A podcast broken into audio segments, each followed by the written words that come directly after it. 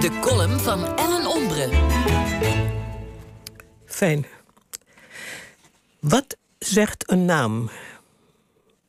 Deze zomer las ik een stuk van een Nigeriaanse schrijver Adaobi Tricia Nwaubani in de New Yorker van 15 juli 2018.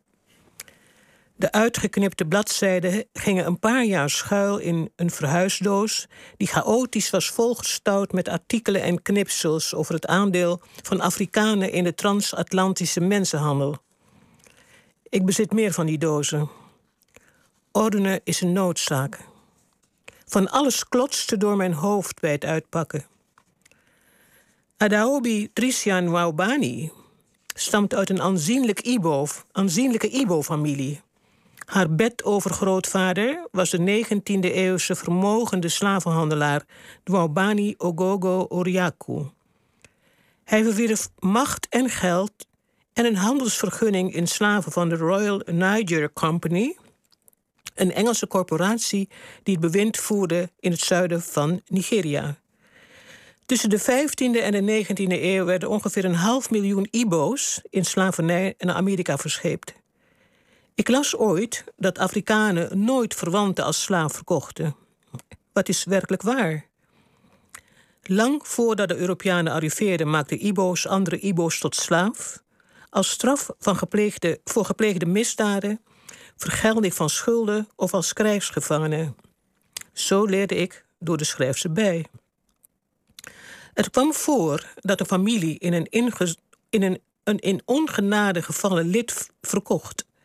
Slaven werden geofferd in religieuze ceremonies of levend begraven met hun overleden meesters om hen te dienen in het hiernamaals. Nwabani Ogogo Oriaku had zoveel aanzien dat toen hij stierf een luipaard werd gedood en zes slaven levend met hem ter aarde werden besteld. Het stuk verhaalt over spirituele krachten en oneenigheid binnen de familie daarover. Verwanten van de schrijfster veronderstellen dat de familiegeschiedenis hun met beheksing heeft opgezadeld. Streken waar sprake was van slavenhandel in Iboland lijken te zijn vervloekt.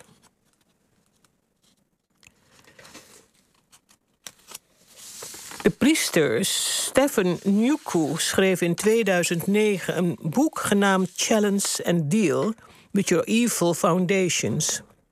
Waarin hij beweert dat sommige mensen hun naam moeten veranderen om zich van een vloek die veroorzaakt wordt door wreedheden uit het verleden te ontdoen.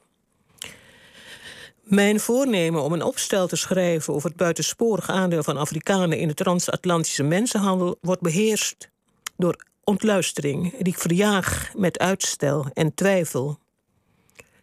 Ik ben beducht voor de boosheid van zich slachtoffer voelende Nederlanders van Afrikaanse afkomst die hunkeren naar zogeheten zwarte solidariteit. Ik schiet tekort. In dezelfde doos stuitte ik op een aantekening over Surinamers en Antillianen die hun achternaam willen veranderen als die uit het slavernijverleden en de koloniale tijd stamt. Zij hebben het verlangen naar een Afrikaanse voorouder te willen weten, te, willen heten. Om hun identiteit een grif gesubsidieerd fenomeen te staven. De naamswijziging moet door de Nederlandse overheid worden betaald. Gideon Overduin, statenlid van Denk in Noord-Holland, wil vervolgens dat de zoektocht van afstammelingen van tot slaaf gemaakt naar hun Afrikaanse roots eveneens zou moeten worden bekostigd door de Nederlandse overheid. Het wordt verzoeken. In Afrika is geschiedenis van ouds een mondelinge discipline, beoefend door geschiedverhalers, zoals de griots in West-Afrika. Nwabani Ogogo Oriaku. Ik spel de familienaam N-W-A-U-B-A-N-I. Mochten de roetzoekers op hun zoektocht in Afrika om een naam verlegen zijn. Dank je, Ellen.